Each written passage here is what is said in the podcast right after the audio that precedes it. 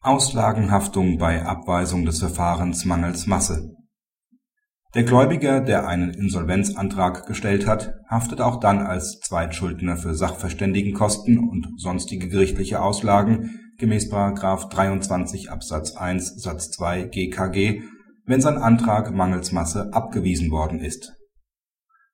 Nach Abweisung der beantragten Eröffnung des Insolvenzverfahrens über das Vermögen der Schuldnerin mangels Masse wurde die Gläubigerin, da die Beitreibung bei der Schuldnerin wegen deren Vermögenslosigkeit nicht möglich gewesen war, zum Ausgleich einer Verfahrensgebühr und einer Sachverständigenentschädigung in Höhe von insgesamt 920 Euro herangezogen.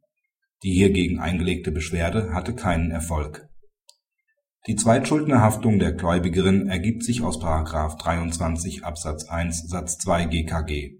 Bei dieser Vorschrift handelt es sich um eine zwingende Norm die für den Fall der Antragsabweisung unmissverständlich und ohne Einschränkung die Auslagenhaftung des antragstellenden Gläubigers vorsieht.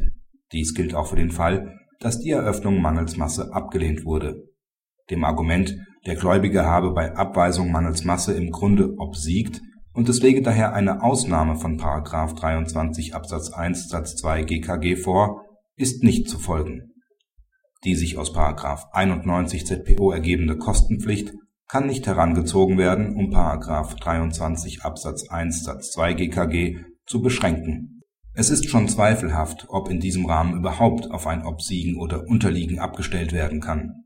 Es liegt gerade im Wesen der Zweitschuldnerhaftung, dass sie zusätzlich und durchaus in Abweichung von der Entscheidungsschuldnerhaftung, die im Rahmen von § 91 fortfolgenden ZPO angeordnet wird eine zusätzliche Schuldnerschaft unabhängig von Obsiegen oder Unterliegen begründen soll.